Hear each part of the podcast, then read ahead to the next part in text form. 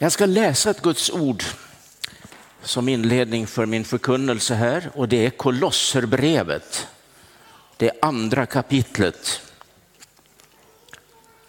med början på den fjärde versen. Detta säger jag för att ingen ska bedra er genom bestickande ord. Ty även om jag är kroppsligt frånvarande så är jag hos er i anden och gläder mig när jag ser er ordning och er fasthet i tron på Kristus. Liksom ni tog emot Kristus Jesus som Herren, så lev i honom och låt er rotas, uppbyggas i honom och befästas i tron i enlighet med den undervisning ni fått och överflöda i tacksägelse. Amen. Detta skriver aposteln Paulus till en församling som hade tagit emot Jesus. Det står ju det här. Så som ni har tagit emot Kristus, så lev i honom. Var rotade i honom. Var uppbyggda i honom. Och ni har tagit emot en undervisning som har hjälpt er till glädje i tron. Och nu står jag här inför er alla och jag påstår att ni har tagit emot Jesus. Och har du inte gjort det, då är det dags att göra det här idag. Då vill vi be för dig så att du också får ta emot Jesus. Men eh, så mycket vet jag att kanske alla har tagit emot Jesus Kristus.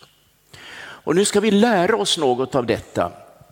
För det stora i, kristen, i en kristen kyrka, det är inte att vi har vackra lokaler, en god tradition och, och så vidare, utan det är att det är en skara människor som har tagit emot från Gud den största gåva som finns, nämligen Jesus Kristus. Och denna gåva tog vi emot genom tro. Bibeln säger ju det att den som tror ska bli frälst. Jesus säger den som tror på mig, han ska ha evigt liv och så vidare. Så vi som sitter här och tagit emot en gåva som inte är materialistisk, inte tillfällig, inte temporär, utan vi har tagit emot en gåva som handlar om det eviga livet. Det är långsiktigt alltså det handlar om det här. Och när de här vännerna i församlingen här tog emot Jesus så var det en splittrad församling. De hade fått in en del medlemmar, både av de som hade en judisk bakgrund och hednisk, andra då som hade den traditionen. Mm, och alla hade en religiös bakgrund eh, i sitt förra liv innan de blev frälsta. Judarna hade ju sin religion självklart och hedningarna alla möjliga varianter av hednisk tro. Och nu blev de frälsta och tog emot Jesus, men så gick det en tid och då då börjar de fundera på, vi är ju frälsta, vi är döpta i vatten och vi tillhör Jesus, det tvivlar vi aldrig på. Men vi har ju en tradition också av hedendom. Pappa och mamma och farfar och farmor och alla möjliga släktingar bakåt, de trodde ju så här och då får väl inte vi överge det. Så då måste vi väl ta in det också. Och judendomen det är ju våra rötter självklart från gamla testamentet, men när det blir en frälsningsreligion så blir det också fel. Och då, då brottades de med de här frågorna.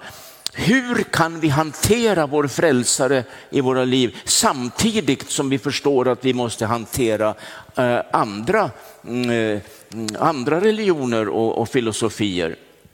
Och då står det i åttonde versen i samma kapitel, se till att ingen rövar bort er med sin fromma och bedrägliga filosofi, byggd på mänskliga traditioner och stadgar och inte på Kristus. Och när Paulus fick reda på de här problemen, för han satt i fängelse tillsammans med Epafras, som var pastor i den här församlingen men som också var fängslad, och då sitter de där och pratar och diskuterar om de här problemen och då skickar Paulus ett apostoliskt brev till dem som vägledning hur de ska hantera den uppkomna situationen. Och då är temat för hela det här brevet allt i Kristus.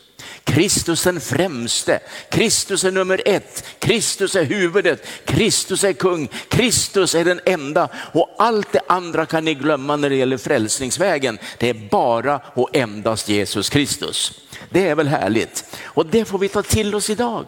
För det är som att problemet i Kolosse kommer igen nu i ändetiden i många kristna sammanhang där man börjar att öppna upp för alltså det som känns lite främmande för bibelsyn och bibeltro och, och, och, kärleken till Jesus och mycket annat. För det är så mycket som ska få rum nu i den teologiska tillämpningen. Och då känner jag att jag vill predika och säga Jesus är den enda som kan vara, som kan vara församlingens huvud och vi håller fast vid honom. Vi har alltså tagit emot Jesus som den främste i alla sammanhang och då ska vi vara glada och lyckliga för det. För det första så tog de emot Jesus som skapare. I det första kapitlet 16 vers finns det tre prepositioner som beskriver detta på ett förunderligt sätt. I Kristus skapades allt. Genom Kristus skapades allt. Till Kristus skapades allt. Dessa tre uttryck beskriver alltså att han var den främste i skapelsen. Så när Gud sa var det ljus så var det genom Kristus. Och när han skapade allt som är till och hela universum så var det genom Jesus Kristus han skapade allt detta. Det framgår också i Hebreerbrevets första kapitel genom vilken han har skapat allt och då talar han om sin son Jesus Kristus. Det där är intressant att göra en tillämpning på det när det gäller temat här i andra kapitlet. Så som ni har tagit emot Jesus så vandra i honom och lev i honom. Vilken Jesus har vi tagit emot? Skaparen. Det är punkt nummer ett. Han som skapade allt, det är den Jesus vi har tagit emot. Det betyder att den som tar mottagandet av Kristus på allvar kommer in under ett skapande skeende där ditt kristna liv blir skapande till sin art och sin kultur. Därför att skapelsen där i de tre prepositionerna är Kristuscentrerad. Vilket då betyder att det kristna hemmet måste bli skapande. Eh, kristna äktenskapet blir skapande därför att vi har tagit emot Jesus i vår familj och i vårt äktenskap äldstekår och församlingsstyrelse måste bli skapande och därför är styrelserummet för församlingsledningen ett skapelserum där vi släpper lös alla dessa skapande krafter och det blir någonting annat än bara protokollskrivning och, och diskussioner och demokrati utan vi skapar tillsammans med den Jesus vi har tagit emot någonting nytt och någonting stort och någonting väldigt som ligger i skapelseperspektivet när vi har tagit emot Jesus som skapare. Halleluja.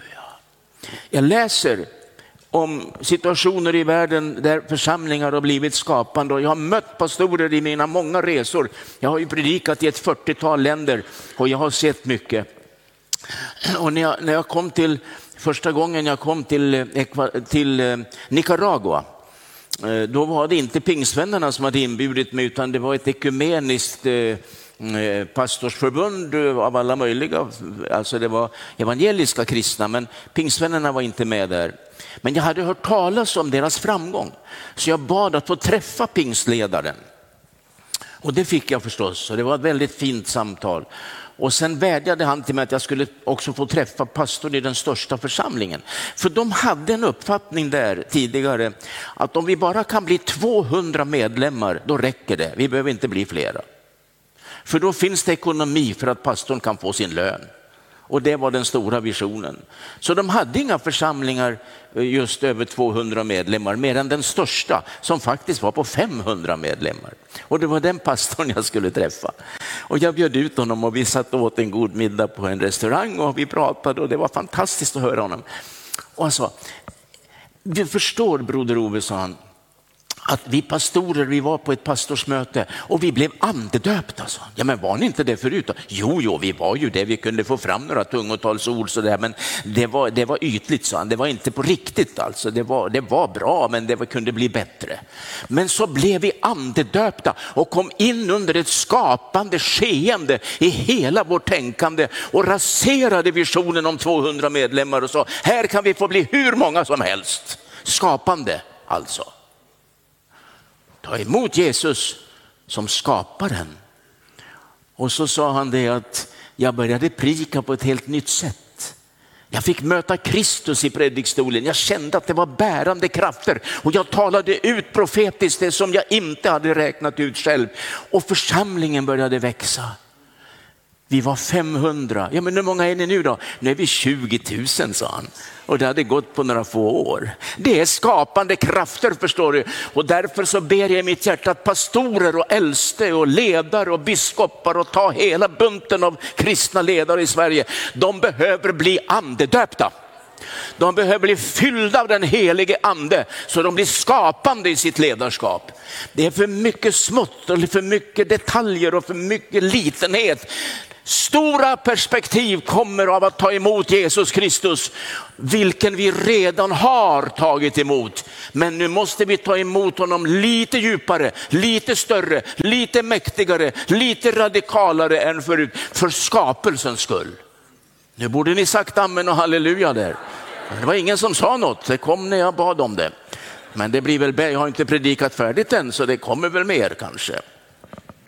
Det andra det är att vi har tagit emot försonaren.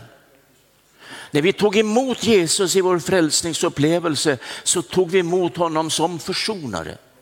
Och här står det från, i första kapitlet från den 19 versen om försoningen och nu ska inte jag läsa hela det sammanhanget. Men genom blodet på hans kors har han skapat frid vem tog jag emot som en liten pojke när jag blev frälst? Fast jag har väl alltid varit frälst. Jag var väl ingen stor syndare tänker jag när jag blev frälst. Men jag behövde ju bli frälst i alla fall och det blev jag.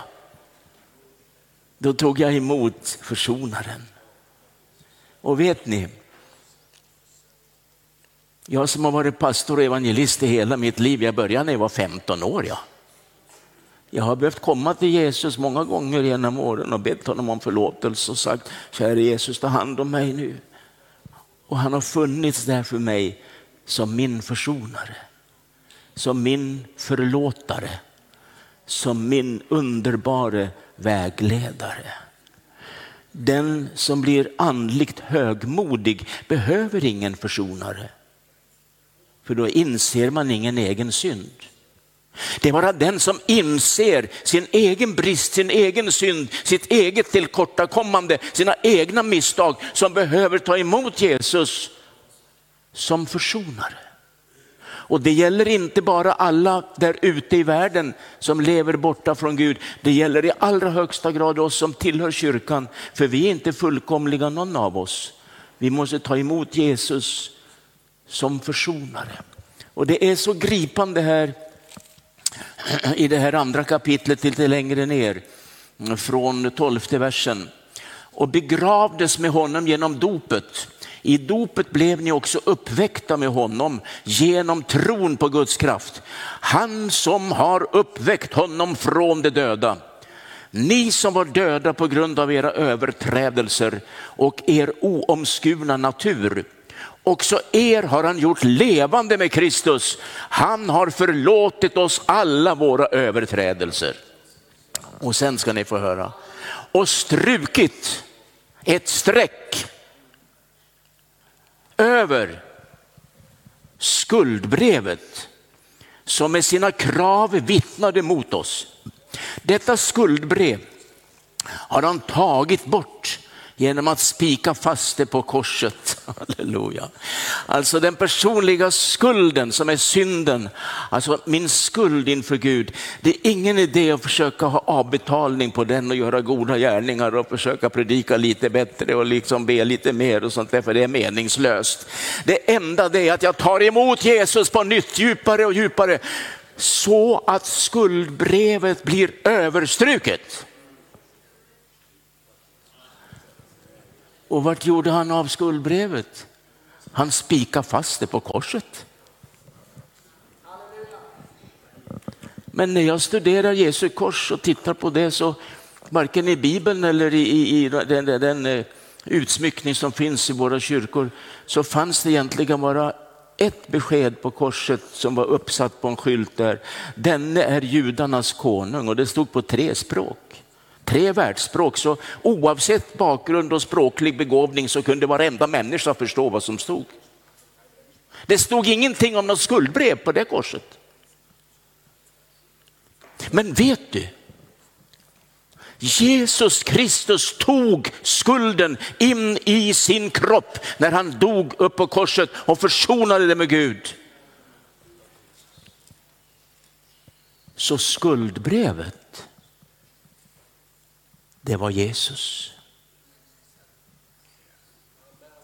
Tala om identifikation och djup, väldigt djup förståelse för min skuld och din. Så han blev mitt skuldbrev. Halleluja. Så nu har du tagit emot Jesus och skulden är betald. Behöver inte hålla på och älta i de där gamla synderna eller något misslyckande. Lämna det nu i Jesu Kristi namn. För du har tagit emot Jesus Kristus och du är fri. Det var härligt att höra. Att ni predikar lite också. Fint. De hade alltså tagit emot skaparen och de hade tagit emot försonaren. Och nu kan jag inte rabbla upp flera ämnen, även om vi kunde ha gjort det, för jag måste gå vidare mot en avslutning så småningom här. Jag ska bara säga det, att när du tog emot Jesus Kristus så gjorde du det genom tro. Och tro, det är om du går ner i ordets språkliga rötter, tillit. Du litar på den Gud du tror på.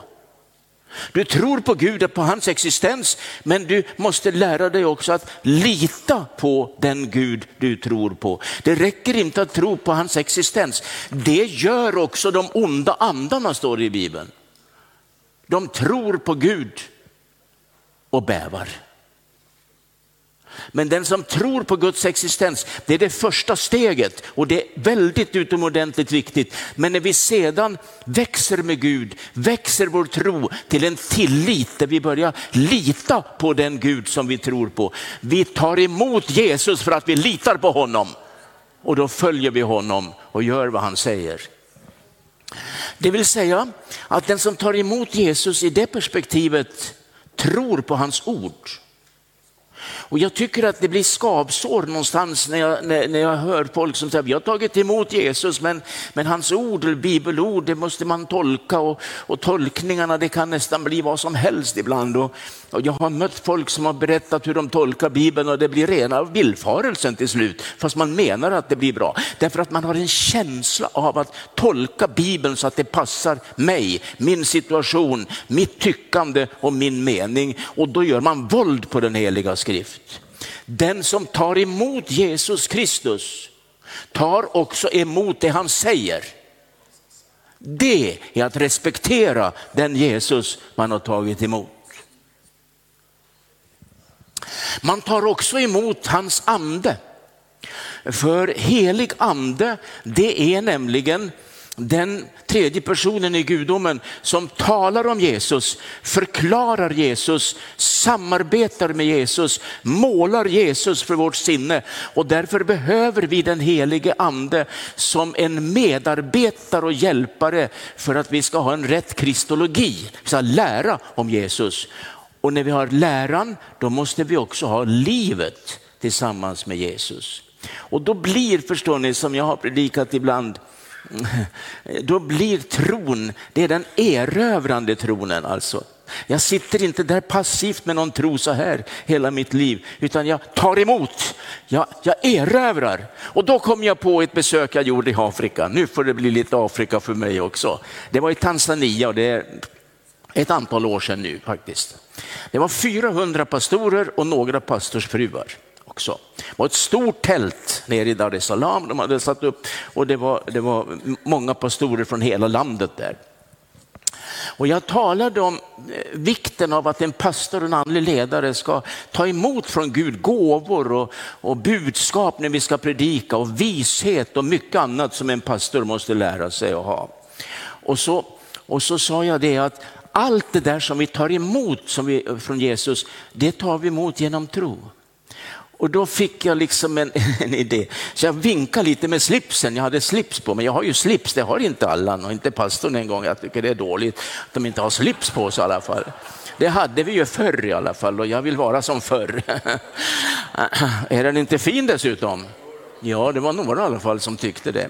Men då hade jag en fin och då hade jag en färggrann fin slips då. Så jag började vinka med slipsen och så, och så frågade jag, är det någon av er som vill ha min slips så vill jag ge den som en gåva. Då var det 800 händer som rycktes upp. Alla ville ha min slips. Då gör vi så, sa jag, för jag kan ju inte ge den till alla, men den som kommer fram medan jag står här och talar nu och tar slipsen, den får den.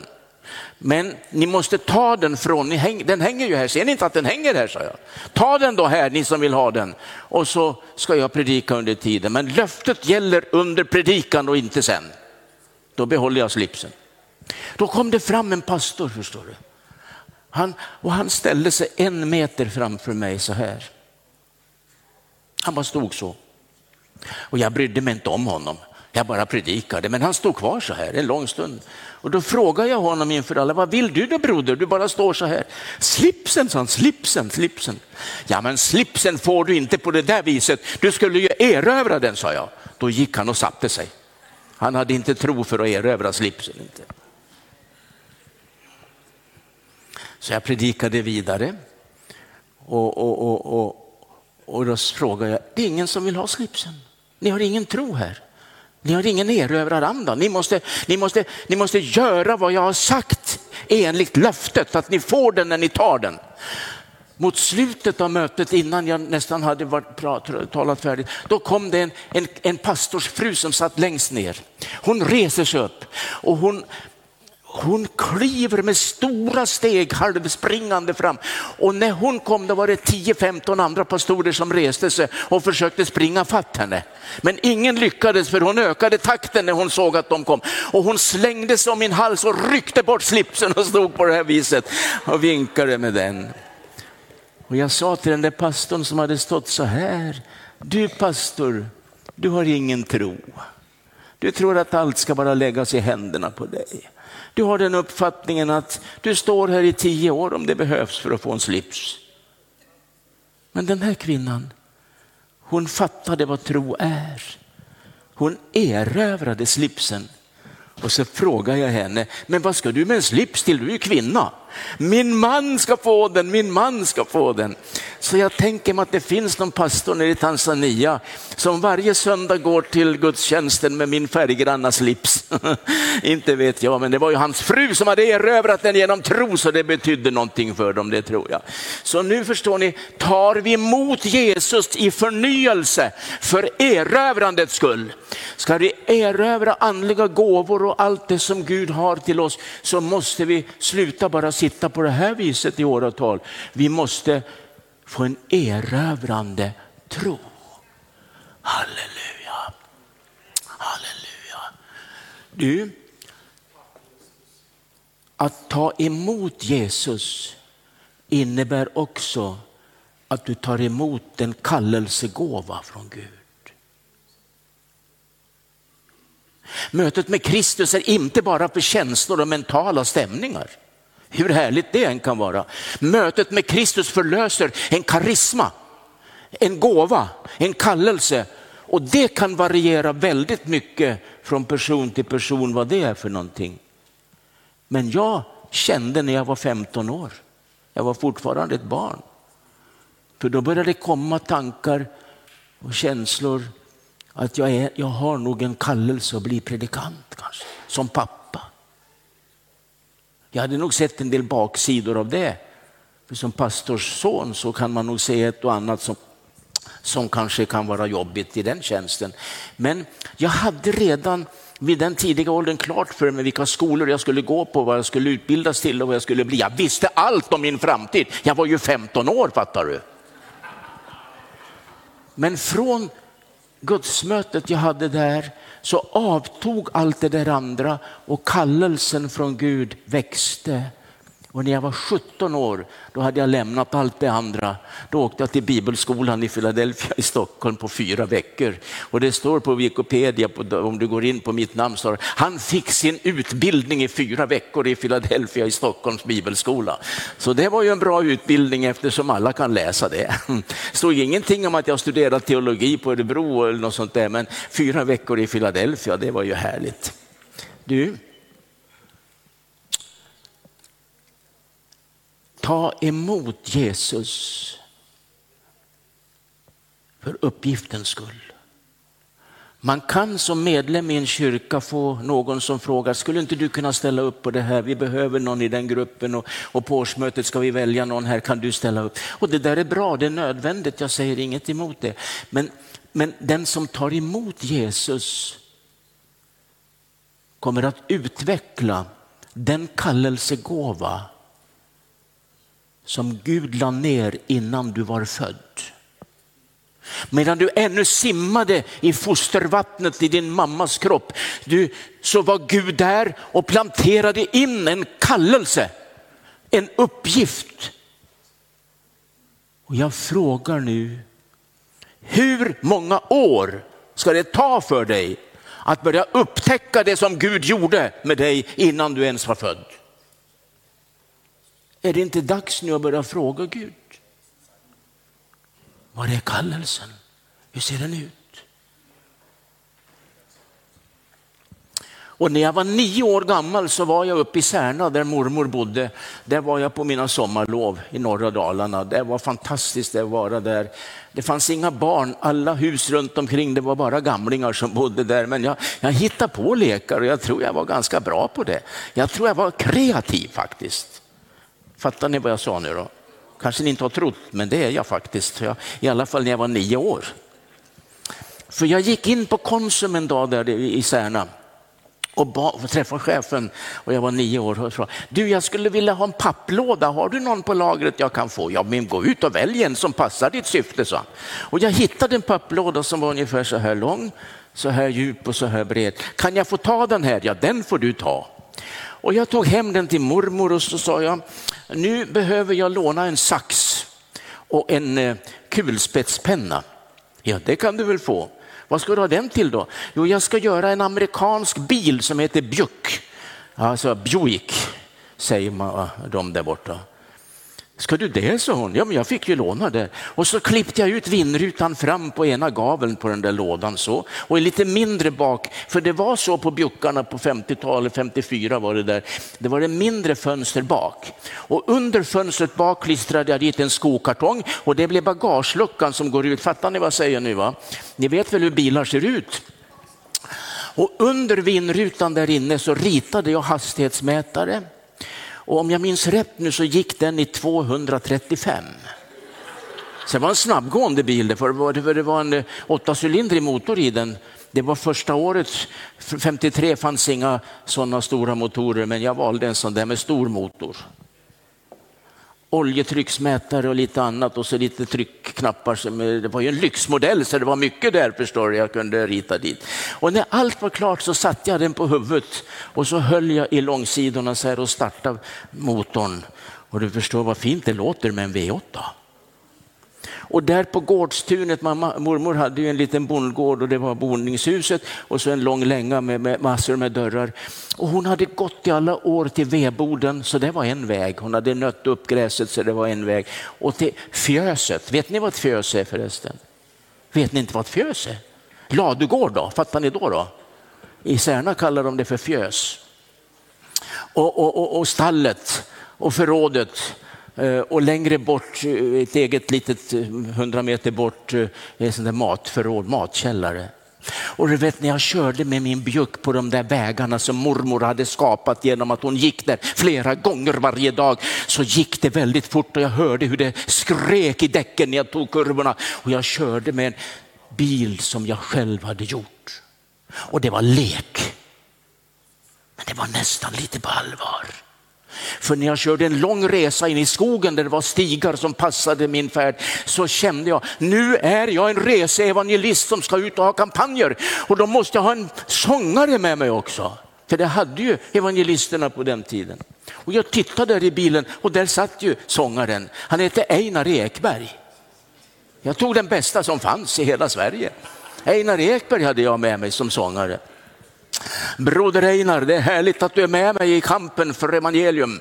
Nu ska vi ha en stor kampanj och den, och den ska vi ha bakom fjöset. Och det förstår, jag parkerade bjucken där vid den rödmålade väggen, Falu rödmålade väggen ställde jag den precis så bra.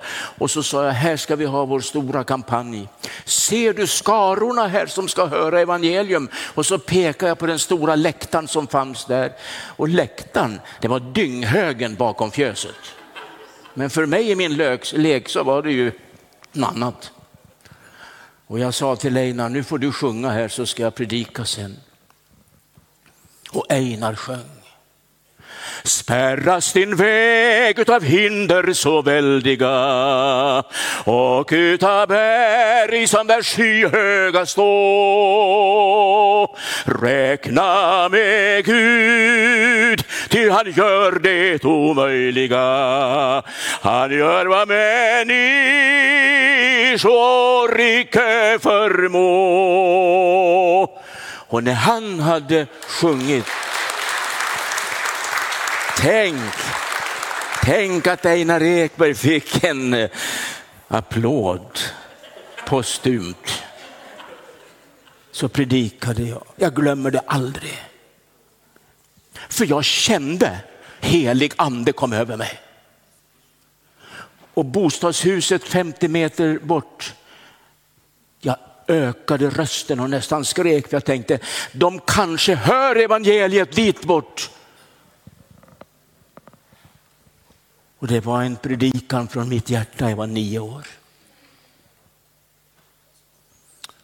Och jag bjöd ner människorna och Einar och jag vi bad för dem. Det var lek, men det var allvar. Jag kände Guds närvaro. Så gick det massor med år. Väldigt många år. Och jag stod på den stora fotbollsarenan i Lomé, huvudstad i Togo. Man hade ordnat med en kampanj och jag talade där och vi hade det som ett projekt ifrån vår förening så vi stod för alla kostnader. Det var en stor budget. Och det var massor med folk som blev frälsta där varje kväll. Och det var nästan bara muslimer.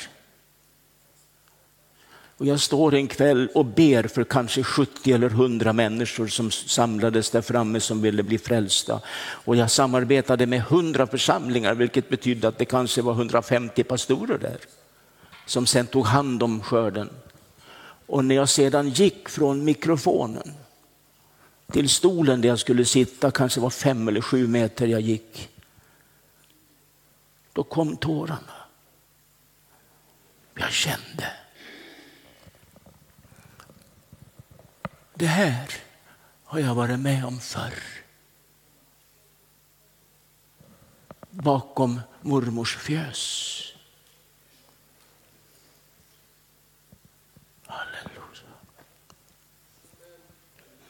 Hindra inte era barn att leka profetiskt.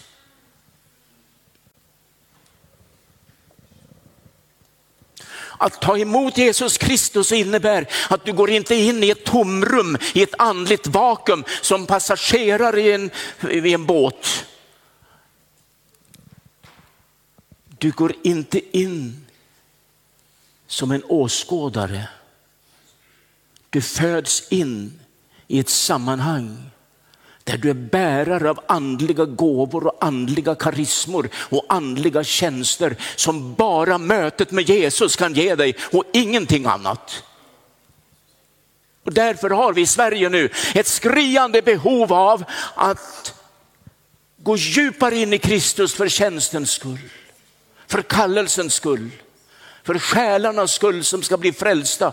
Och här handlar det inte om bara några kändisar i Sverige som har några slags stora eh, gåvor, utan här gäller det allt Guds folk. Och så ska jag avsluta min predikan och säga, den som har tagit emot Jesus Kristus som Herre har någon att hålla i handen när du ska få ta emot honom i dödens stund. Jag har genom alla år som pastor och förkunnare haft många begravningar. Jag har ingen aning om hur många, men det är många. Och jag har suttit i sjuksalar på lasaretten och försökt att svara på frågor som den döende patienten som var min vän och min församlingsmedlem ställer. Och ibland har jag inte kunnat svara. Jag har känt att mina tafatta försök till svar har studsat tillbaka till mig från de kala vitmålade väggarna. Och andra gånger har jag känt att det har varit luft under vingarna och vi har känt att Guds närvaro har varit så stark. Så ord har egentligen inte behövts för Guds närvaros skull. Jag har undervisat om döden, jag har talat om den i bibelskolor, jag har försökt, jag har försökt på alla möjliga sätt att tala om det obegripliga. Och jag har också varit lite inne på pastoralteologi och undervisat pastorer om det oundvikliga och hur vi ska förhålla oss till döden. Och den som har tagit emot Jesus kan vara trygg. För han har redan smakat döden. Han har redan varit där. Och du får bara följa honom in i himlens underbara land. Halleluja.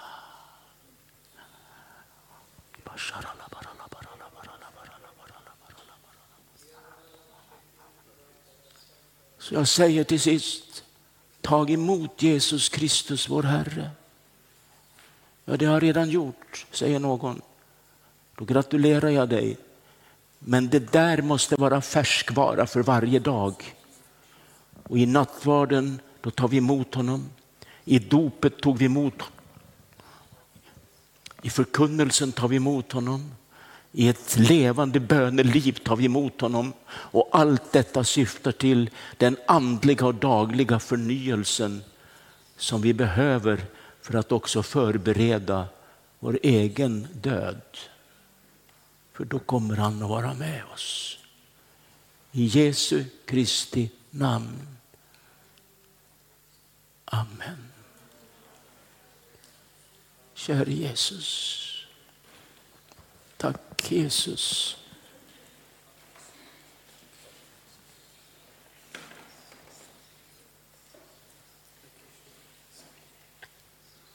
Tack att vi har fått ta emot dig.